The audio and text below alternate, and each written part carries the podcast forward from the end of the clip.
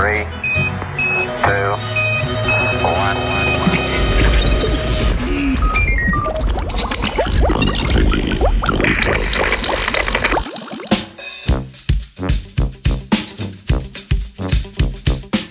S fotosintezo do etilena.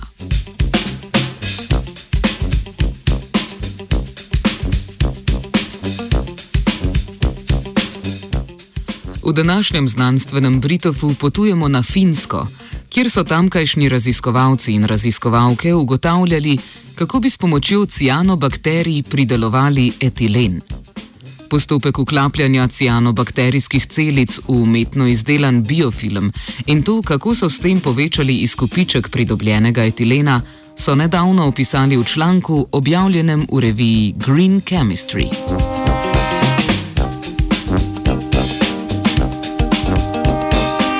Cianobakterije so skupina bakterij, ki si podobno kot rastline same izdelajo oglikove spojine, potrebne za lastno preživetje. V procesu fotosinteze vežejo oglikov dioksid iz zraka in ga pretvarjajo v sladkor. Etilen pa je glavni gradnik določenih vrst plastike in vlaken.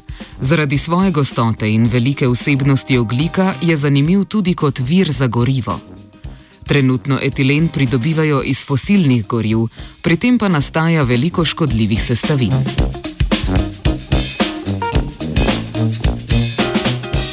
Raziskovalke in raziskovalci so v omenjenem poskusu za pridobivanje etilena raje uporabili cianobakterije rodu Sinehocistis z ustavljenim encimom EFE. Encim EFE oziroma originalno Ethylene Forming Enzyme iz spojine imenovane oksoglutarat, ki je eden od umestnih produktov metabolizma, izdeluje etilen.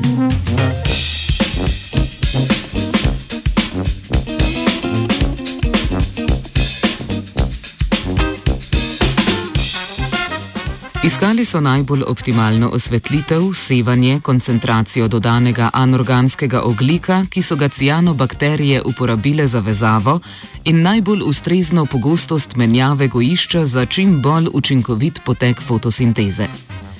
Cianobakterije so sprva skušali gojiti v raztopini. Z dodatnimi poskusi so ugotovili, da prihaja do manjših izgub energije in hranil, če so cianobakterije pritrjene na površino.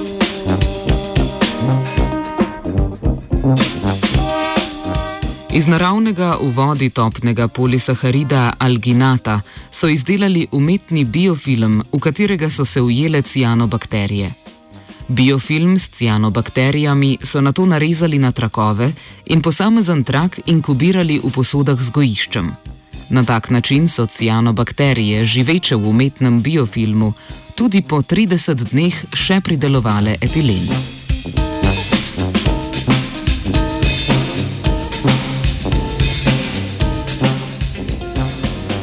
Opisan postopek predstavlja eno od možnosti za nadaljni razvoj okolju prijaznejšega pridobivanja etilena iz svetlobe s pomočjo cianobakterij.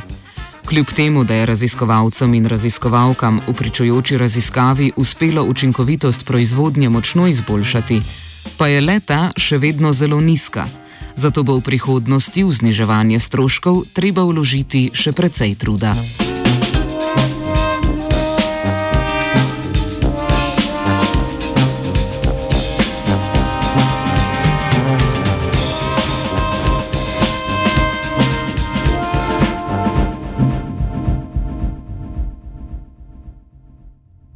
Iz biofilma je z Britov spisala Nataša. Radio študent. Od drugih radijskih postaj se ločimo po tem, da smo popolni v vseh pogledih.